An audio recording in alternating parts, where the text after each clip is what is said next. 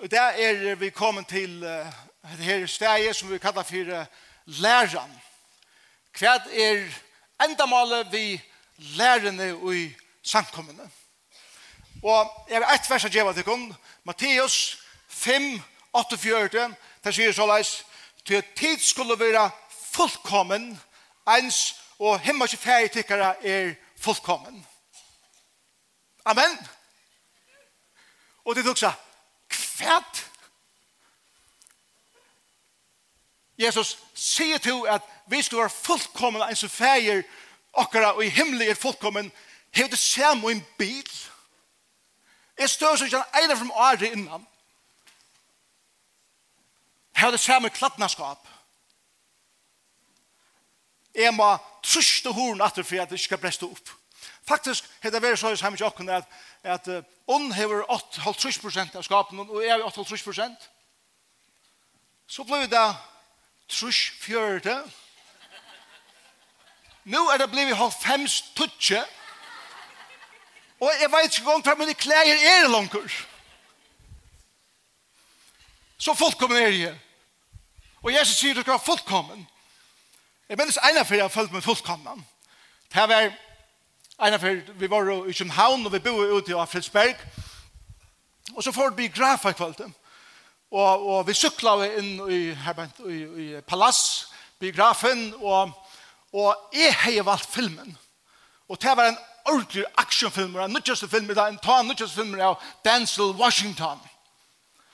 Og han gjør det av i ødel, og han klarer alt fullkomlig ensamhetler. Og Og jeg kom ut av biografen til kvalitet, så vi ødel hinne mannen når det var spent brinkende opp, tveist, og vi levde ordentlig som dans i Washington. Trobla ikke var bare at han, da jeg kom ut av biografen, så skulle jeg ha en lørst av tvei og lea søkle. og jeg også sier, herre godas, du, du brukar tvær timer i biografen for jeg för at och sitte pura frialig og och et som øre for för jag för det som en man. Och så var jag syklet hjemme en tvei och sykle. Och så så så Er vi fullkommen? Nei. Og, men så sier Jesus, og til du er fullkommen, en så himmelske ikke feir, tikkere er fullkommen. Så nå får jeg en nødjan standard å leve opp til. At det skulle være lyder som god i fullkommen, så skulle tid eisen være fullkommen. Husk at kan, hvis vi kunne gjøre det så god gjør, alle makten min i hånd, jeg bare husk om akkurat som er ikke dømte, pum, vekk.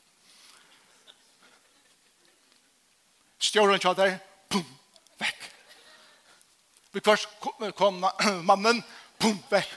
Men så må jeg si, pum, kom for å få det etter.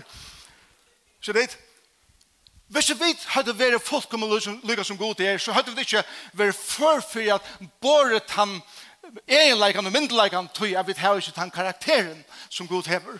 Så hva sier Jesus her? Han sier, tid skulle være fullkommen, ens og færdigtikkere og i himmelen er fullkommen. Det som han ikke sier er det at de skulle være perfekt. Han sier ikke at de skulle nå opp til en, et eller annet slag av perfeksjonisme i løven. Og så da de kommer her til, så har de klaret et eller annet til å få premie for et og først. Det som han sier er dette. Er at ens og god gjør sine oppgaver og lever til fullnar til at være god som man gjør fullkomne. Så skulle vi som mennesker leva okkara menneskelig leika til fullnær. Det er det som Jesus sier vi okkara her på er at du er skapt som en menneske. Du er skapt vi til min egen som du hever. Du er skapt vi bylade gods ut her. Liv til til fullnær. Det er det som Jesus sier. Så ikke det, nu, nu fra mynden, helt et annat tvist. Nu, nu er det her at så som god har skapt meg, skal jeg leva så vel og utenna så vel som jeg kan gjøre det her i livet. Det er det som læreren og i samkommende snur seg om er at hjelpe mennesken at leva sitt potensiale som god har givet oss til fullnær. Og det som vi lærer, og maten som vi lærer på, må, må ikke menneskene leve sitt godgivende kattel. Det er det som Jesus sier og i denne her versen her på en. Og ta og jeg leser det verset her, så er sjående, og alt som, som, som, lesa Bibelen rekkelig, jeg vet at man leser alt Bibelen i kontekst. Så, så spørningen er, hva er så kontekstet av det her som Jesus sier, da han sier at de skulle være fullkommen ens, og er, er fullkommen. Vi vil ofte halda vid at, at Jesus var føtter i en tøy hver alt var perfekt. Og han måtte leva i perfekten omstånden, og han måtte heva akkurat av rattelen om seg for at han kunne være som han var. Men sannleggen er han at Jesus var føttur inn i et land hver ein og hver hørte under valde av rom. Jøtene var ikke fruktfolk, men Jesus var ångkant i en træler. Selv om han hørte til et annet land, selv om han hørte til en ære stjøten, så levde Jesus som en fryer maver, til han levde til til fullnær. Men per ikke hermenner, per kjinko her i Israel, lengt vekk heimanefra.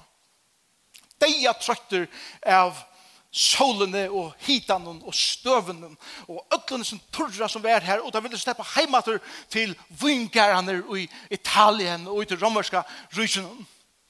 Og i konteksten her hadde så konteksten til det som Jesus lever i og det som hans årene gengen i.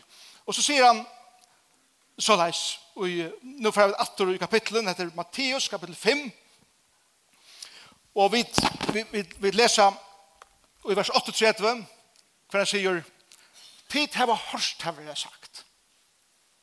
Hette er nekka som tid har hørst. Hette er til male som gonger fyrir seg ut av gøten. Eia fyrir eia og tonn fyrir tonn. Såles levde folk. så Såles lever folk enn i det. Hvis du gjør som er nekka, så gjør jeg det nekka. Nekka. Hvis du stjeler fra mer, så stjeler jeg fra deg. Hvis du gjør det inn en av munnen, så gjør jeg inn med inn av en av tøynen. Hvis du dreper en av munnen kære, så dreper jeg en av tøynen kære. Eia for eia og tonn for tonn. Og hatt er det som lov valgte måtte gjøre for at det var rettvis land noen, men en og kvar hei tids det anarkistisk nye til egna liv og, og praktisere i det. Og tog var det kaos. Og Jesus sier til det hørste det jeg har sagt, og det har vært misbrukt, men jeg sier til dem, At de skulle ikke skjere noen motor hin nittla. Nei, slær onker te under høkra venka. Vend honom hin vi. Vil onker sæk søkja te og teka kyrsteltøyn, så leta få kappan vi. Og nøyer onker te a genga eina muilvisser, så gakk tver vi honom til et eller annet i mer, jeg vet ikke om de føler det samme som meg, til et eller annet i mer som, som ventest, som er hos sier Jesus, du kan ikke mene at det er. Og, og, og rattvises kjenslan inni mer er og åh! Hvis jeg anker slær meg, skal jeg så vende hjem venga til. Hvis jeg anker teker kyrstna fra meg, skal jeg gjøre jakkan vi. Hvis jeg anker nøye meg til et eller annet, så skal jeg gjøre mer enn å nøye meg. Føler jeg til det? Er det ikke åretvist? Er det ikke en vemmelig kjensle av å være åretvist behandlet? Er og, og Jesus vender sin her fullkomlig av høtte. Og han sier for det første, men still, som ferie må fullkommen og gjør til rollen fullkommen, liv to nu tutt liv til fullnær. Men hvordan ser det ut for en som fylger Jesus i etter? Det første er hendene hendene mindre som man brukar. Så ikke fyrir du kan hendene romverska eh, soldaten Han er topptrenaver. Han er fullvåpnaver. Han er trenaver til å være en drepare maskina. Og for å få tøyene genka, og for å få frustrasjonene og vreiene ut, så kunne der velge en og kvann person, og han valgte seg en luttland gjøte her, og begynte bare at slå han og slå ene fra træt, bare for, for å få ene eller ære reaksjon. Tog at han håper at hvis han reagerer i atter, så gjør det mer, så myndelig kan jeg kunne gjøre enda mer, og tega svøret fram og stinka til deg. Det var det som han ville. Og Jesus sier, jeg tar jonker, gjør hatta vi til.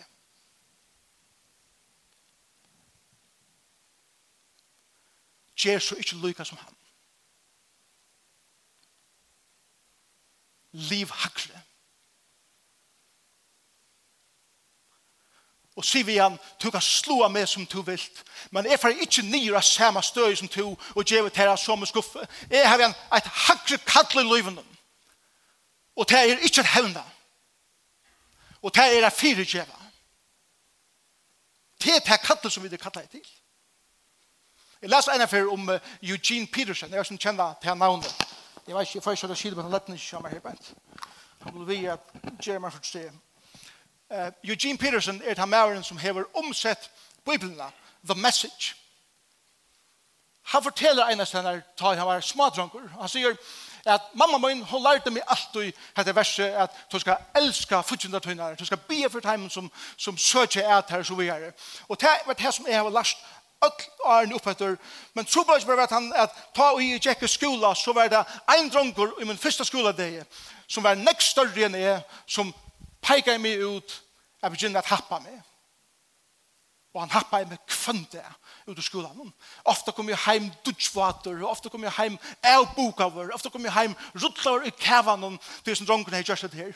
Og hatt jeg fyrir ikke år, at han år, at han år, inntil knapple en dagen, så kommer som dronken atter, og han begynner å gjøre uh, littla Eugene Peterson for tre, og Eugene sier i, i sånn her at det var eit til anna som bare snappa jo i mer. Og jeg ble pura svekker. Og jeg leip av han Og til bytte ivrasje og han ser ivrasje funnet det til at jeg var sterskere enn han. Selv om han var større. Og jeg slunk det han nyer. Og jeg leier meg om han av han og kørte knøyene og armene som han ikke fikk bevege seg. Og jeg begynte å smekke han i anledet. Bum, bum, boom. Og blået til til fleit ut av ørene. Og han sier vi har med hans lærer si om skylda! Med hans lærer og hyrer bare om skylda! Og så knapper jeg minnes av mamma sinne. Åh, Og mamma sier, skal elske henne fortjen der. Så han slår av meg. Se og trøst av Jesus Kristus som det frelser deg. Men jeg slår han.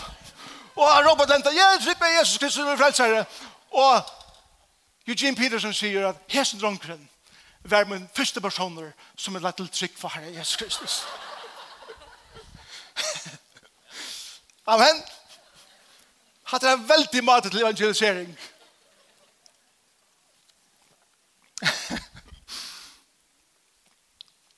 Eugene Petersen ble jo vaksen, og han, han lærte ære metoder.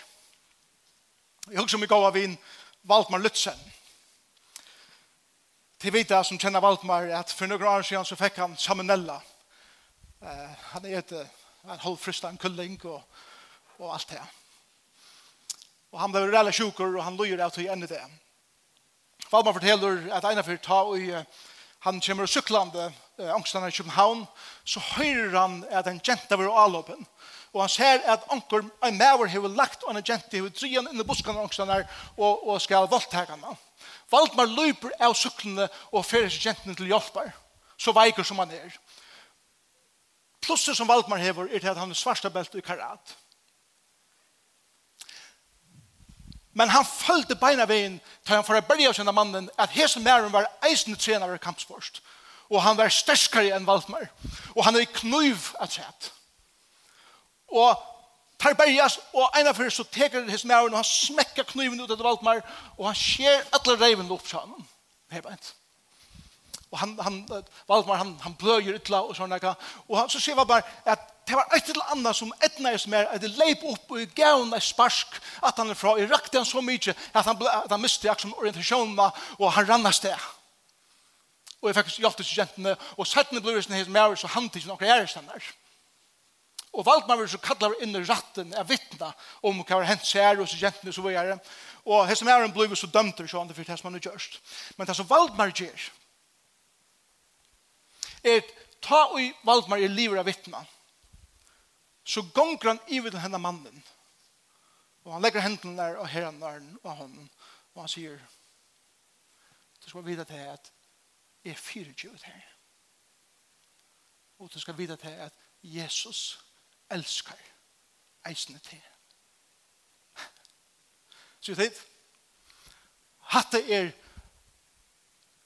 myndelagen og kraften som vi som ikke fylgja Jesus etter hava finnje. Og i bylade gods og vi kraft halde andans. Jeg kunne si at ta og i nekar gjer mer nekar. Så fer jeg at litta meg hagre enn han til hon gjer vi med til at jeg skal ikke hevna. Og jeg at man ikke er en person som ikke vil fyrirgjera fyrirgjøving og at ikkje vilja hevna skal være det som jeg kjenner mitt liv. Jeg skal ikke være bunden at gjøre det samme som onkel gjør med at gjøre det her mot teimen. Jeg skal være fryer at gjøre noe som er nekvakre som jeg over til. Jesus sier ikke at du skal bare gjenge og lete folk slå av det. Man sier bare at ui tui at du viser at du ikke først hemma som deg, så missa de sånne makt og sånne kraft i det her. Og så sier Jesus,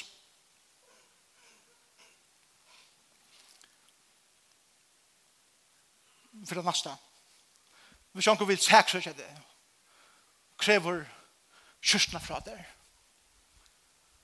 så skal du gjøre dem jakka vi. Kvæl. Jeg skal løyva nøkken est drippa med naknan, og så skal jeg bare djeva dem en okkurst et trent.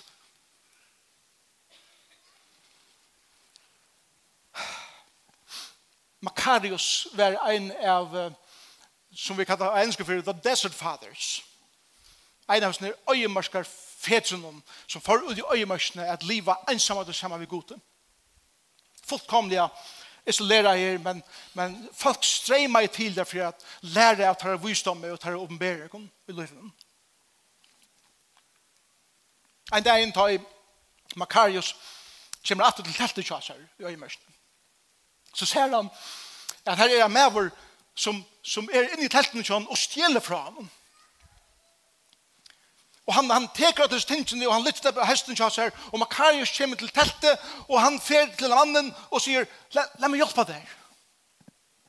Og han hjelper henne at jeg køyre alt det forskjellige på hesten som han sjeler fra seg, og henne er en hikkevik, altså, hva er det du gjerst? Og ta i hesten med henne røyre sted, i øtlen og som Makarius, og sier Makarius vi han, Nætjen kommer om mor løyve, og nætjen skal jeg fære i molten natter.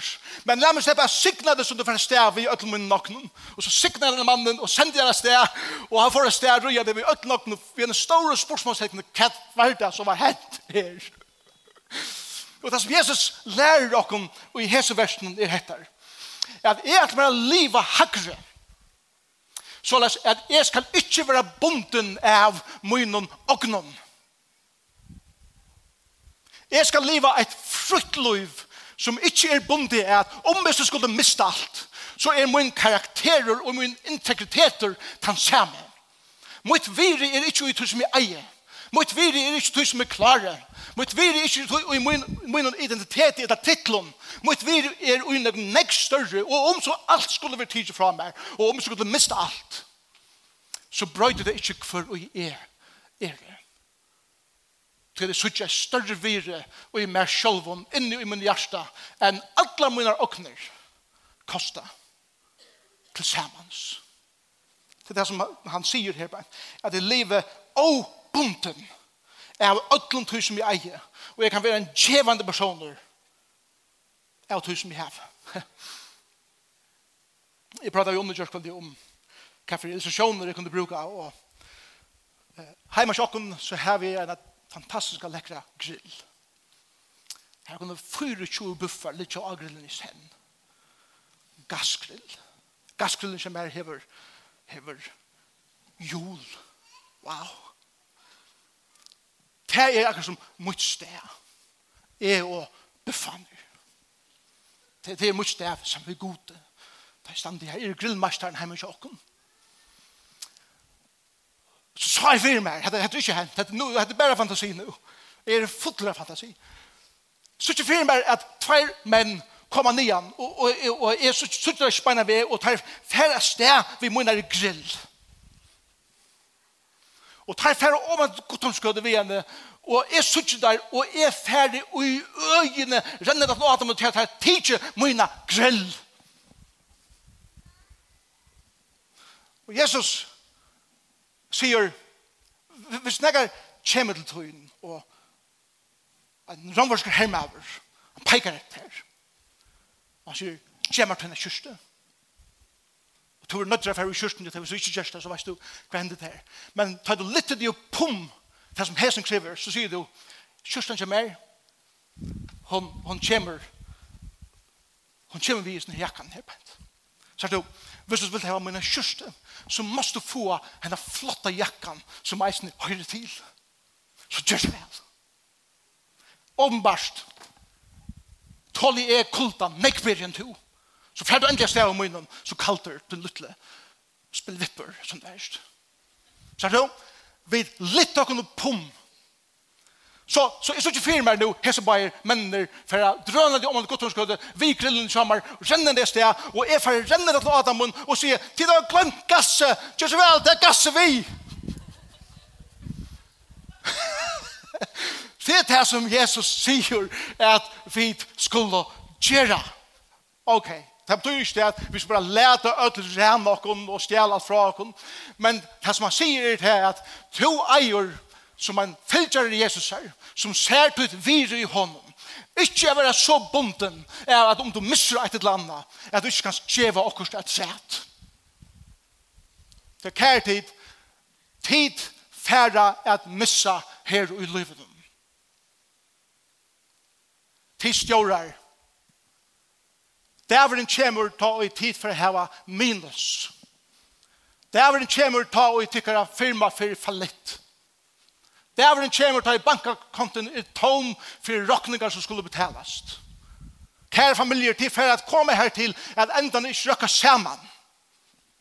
Men spørning som Jesus spyr åkken er, for til å definera hver to så erst inni i hebert. Og han sier at om vi sutja at vi liv akkurat fulla potentiali av tog som Kristus er vi giv i åkken, så for til ikke er roa nere med om jeg skulle miste alt. Og til å bli helt være ranter, jeg er en av for, som jeg minnes skulle skje ranter, jeg er ikke flere for ranter, jeg er bare så fryktelig naiv, at jeg legger seg smest til det. Men ene for jeg er ranter. Det er sammen med Johan Sydebø, med gode viner. Og han manner av loftet. Vi hadde vært i Rumænien med hjelp, og vi kørte opp til Berlin. Det var akkurat da tog inn at Berlin-muren fatt, Og vi får så en tur hit til muren, og han la her stadig og ruinen, og vi hentet av steiner fra uh, muren, som betaler en rikve av euren for jeg kjøper seg her nere i det. Vi fikk det gratis. Vi parkerer igjen, parkerer kjattleren, og tar vi komme atter til bilen. Så gjør vi det at rutene er knuster inn, og vi er ramper. Det er en obehagelig kjensla. Og vi er alle så det her, hadde vi bare finnet fæter og i sånn her barsten som er stjålet fra okken, så skulle der bæra prøve på av vurs her. Det var at han kjenslan som høyt, kjenner det kjenslan? At pastorer kan eisne føle det her tid. Jeg minnes at jeg miste en sånn stor lekkere opptakere som var ordentlig moderne å ta. Men tar du ikke tid som mikrofoner til der. For sitt jeg for å renne til Adam og sier, du tar ikke mikrofoner. Det er for ikke å definere meg. Er jeg oavhengiger av øtløsene her. Det var faktisk begynnen til forholdet som er Johan, tanturen. Det var randur sammen. Johan har vært med kære viner, Lukas Janta. Vi har fylst alle årene oppe etter, selv om det har vært nekva imsestener, så, så har vi tatt til gleden av at livet sammen og tjene herren her og i det. Så Johan, det var som vi kan ikke vil randur atter, men det klarer vi. Så jeg vil ha valgt at livet er et hagre støye, enn å være avhengig av okkara oknum. Og så sier uh, Jesus i, uh, i vers 41, og nøyer onke til å genga eina mulvis her, så gakk tvær vi gjennom. Ah. Begynner det det elskende teksten. Begynner det ikke å oss mer mening? Hette læreren, Hetta er det som er eikjenna okkur som sankomme, At, at vi byrja a suttja verna vi nudgen egen og a liva på en spilt og nudgen mata. Og vi suttja den, den ramverska veltrimmaja fullvapna i hermannen kjem genga av sin heste og han ser henne lukla jötan, og han teker alla byrna som hesteren ber og han lytter henne av og han legger henne av henne jötan, og han sier geng to eina møyl vi her som til hesteren kjem er, han har bruk for kvult, og hesteren kjem er, hever nek virre enn to hever. Geng. Så gjør den her fyr. Han gonger sti for sti. Falla litt. Og han hugsa sti for sti. Hvordan skal jeg klare det her? Hvordan skal jeg hevne det her? Atter. Og ta henne gynja eina møyl. Så råpar hermaren, nu kan så gott, ser det nio eller lite på hästen kommer åter och oj till löten. Hever hästen mävren en stor outjer att göra. Och det är djävusen nu. Det är så nu så viser honom at er benji fyrir honom og det er hans slava. Og Jesus sier, det som er her, åh, jeg vil være her, jeg er så løtene. Det som er her, han vender seg vi, og han hikker på den, her, her, her mannen, og han sier vi han, kjevast nu, er det akkurat opphittaver. Jeg skal genga en av møyl vitt her, et sett. Så sier vi, hvor hver eier myndleika nu? Hvor er tann nu som er malleiser? Hver Ja, han kunde ha tidsi svörer fram og slia nyer, men alle hans her eika møyla, gonger hans her møyla hugsa, åh, jeg har ikke kontroll av honom, jeg klarer ikke å styre honom i min makt. Og det er det som Jesus lærer okkom, at liva et liv som er øttalest for å gjøre menneskjen. Liva et liv for jeg ikke lete med kuan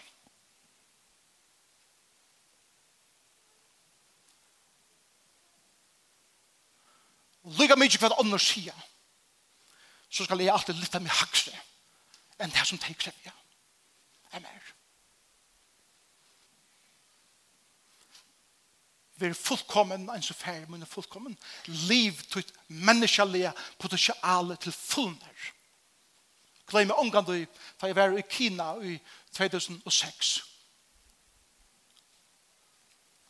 Kjemer en pikkelutla, kona fram at heller sånn, Vi var av nekker vestlens leier som hitt og omlai holdt trus leier av undergrunnskyrkjene i Kina.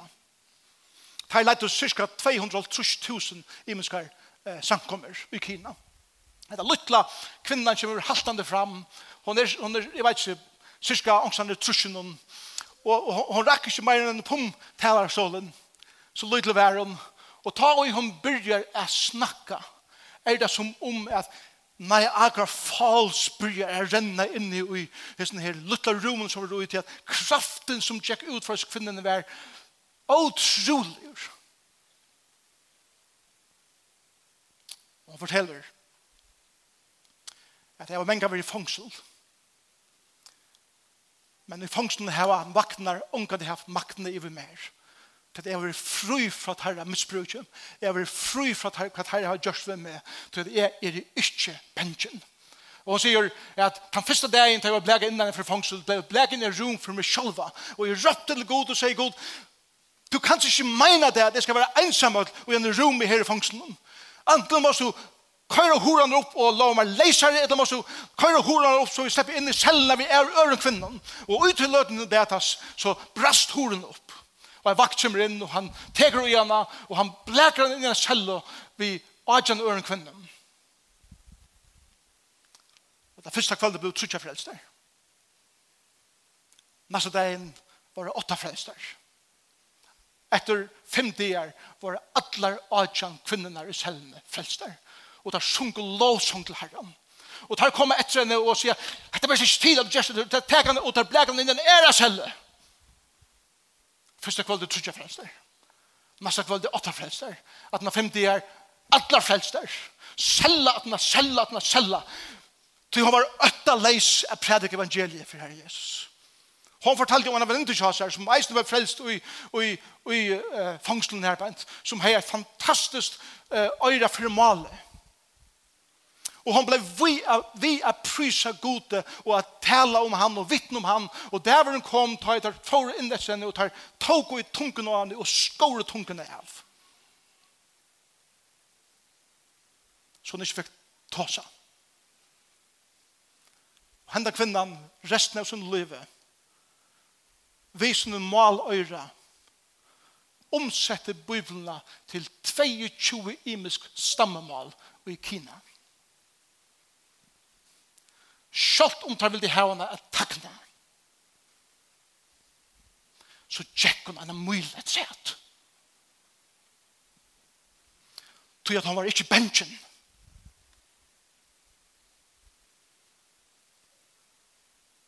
Hun øtteis ikke. Jeg glemmer helst en kvinne som jeg sa i GLS i sommer, da jeg var i Chicago afrikansk kvinna. Hon producerar i møbler. Hon var businesskvinna. Producerar i møbler. Og tøyen kom ta og i eh, møbeleksporten i landet som bor i og ble bannhaver. Og hon miste alt businessen kja seg. Og hon visste at einaste maten som alle hinner kvinnerna i landene gjerra, det er at antla for sång vi eller sälja sig till hese her businessmennene som kunne geva dem et eller annet slag av makt. Og hun sier at jeg setter meg fire Ikke jeg vilja fære sång vi en mann. Og ikke vilja bråta mine moralske kompromis bare for jeg kom hagre i business. Og dæveren kom for herren litt igjen opp og ærdi henne for henne avgjører. Og det er hun en av den største businesskvinnen ut til landen og i eh, Afrika. Og sitter som eh, nevndarlimer i en av de største bankene ut til landen. Til hun er det godt Og hun tjekk hessa mylene om det kostet seg nekv. Til hun levde hakre enn ånder kunne liva. Til det som Jesus sier vi okkur, vær ikke bunden av å gjøre det samme som ånder gjør vi til, litt i pum og fyrirgjev og hevn ikke. Vær ikke bunden av at hun ågnum så om du så skulle miste alt, så at du klarer å gjøre meg til mine ågnum definere meg ikke.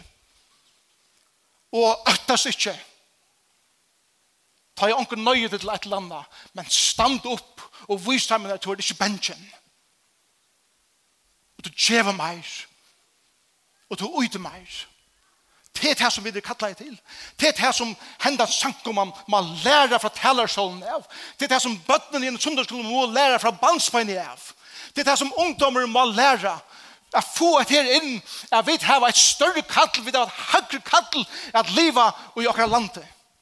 Herren vil kalla oss til å liva som et, et liv som ikke lykkes livene til øre som liva sammen vi. Som vi stinker på seg ur. Kan vi tege avgjøre at, at man ikke vera lyka som alle hine som hevna og ikke fyrirgiva. Jeg vil ikke vera som hine som er avhengig av sin ognen og definera seg etter tog.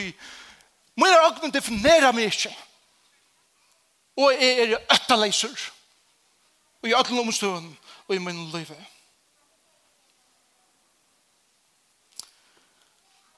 Jeg tykker samkommende til stedet i tid. Jeg er ofte spurt hvor jeg ikke blant med på politikk til deres. Ikke måtte tykke om politikeren. Stora respekt for tykken og god til å tykke kall her. Og han har sagt til meg, du burde være løgmaur. Til måte at standa fram på, og, og alt det her hei vært fantastisk. Og til, hvis jeg hei tro at lagting og landstyre og ting som rører på vær løsnen til hemsys nei, så er lengst av gjørst det. Men jeg tykker at hette er steget, samkomman, menn og kvinner av ødlunds leie, av ødlunds stadion løyvnum, som kommer sammen at lære å være annerledes enn resten av okkar landi og resten av okkar heimi er. Til her kraften er. Til her vi kan genge ut fra og gjøre mon i okkar landet. Og jeg vilja at her var ein eller tver eller tru og i det som setter seg fire at liva som Jesus viser okkar hvordan vi liva. Så som ende, la meg lese resten av versen 4, du kan bare for jeg viser deg hva det er som Jesus sier. Og han sier, til det var hørst, at det er sagt, at du skal elska nasta tøyen og heta fudgjenda tøyen. Det var jo gødemal. Det var det mal som det snakka ut av gøten om. Du skal elska teg som er elskelig, og du skal heta teg som er fudgjenda.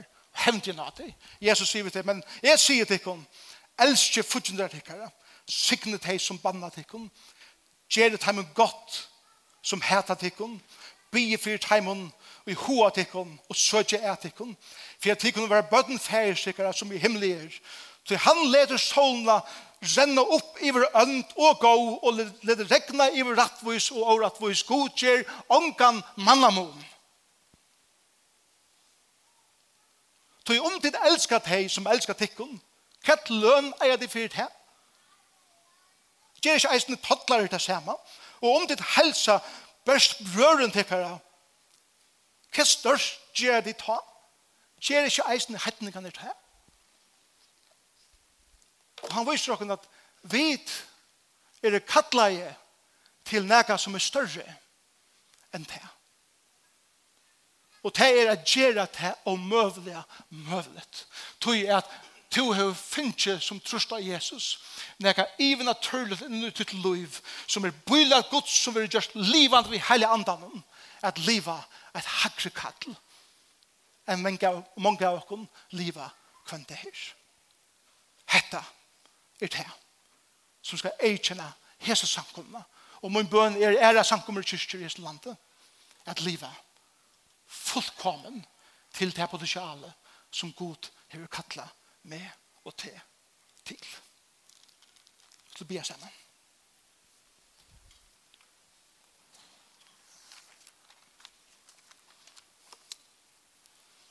Jesus, tunne krøv, eller tunne standard, færre å kunne kveppast vi men kan. Og det er et eller annet noe mer som sier, nei, jeg vil ikke det her, jeg har for negv inntil vi du blir at ta du byen og gav oss så gjør vi oss alt som skal til til tess at liva hakre at liva obunden at liva øttaleis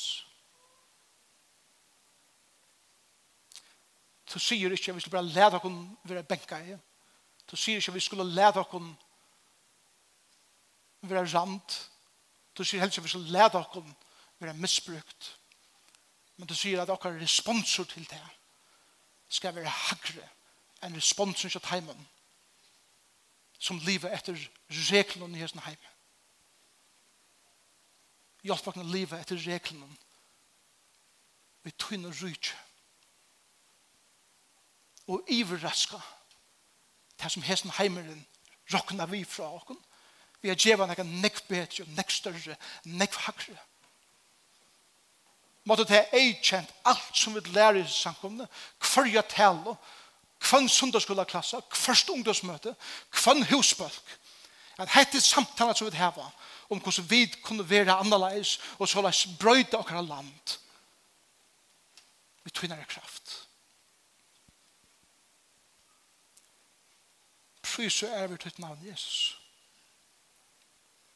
Og takk for at du kallar okkon og du gjør okkon alt det som skal til til tess at liva til livet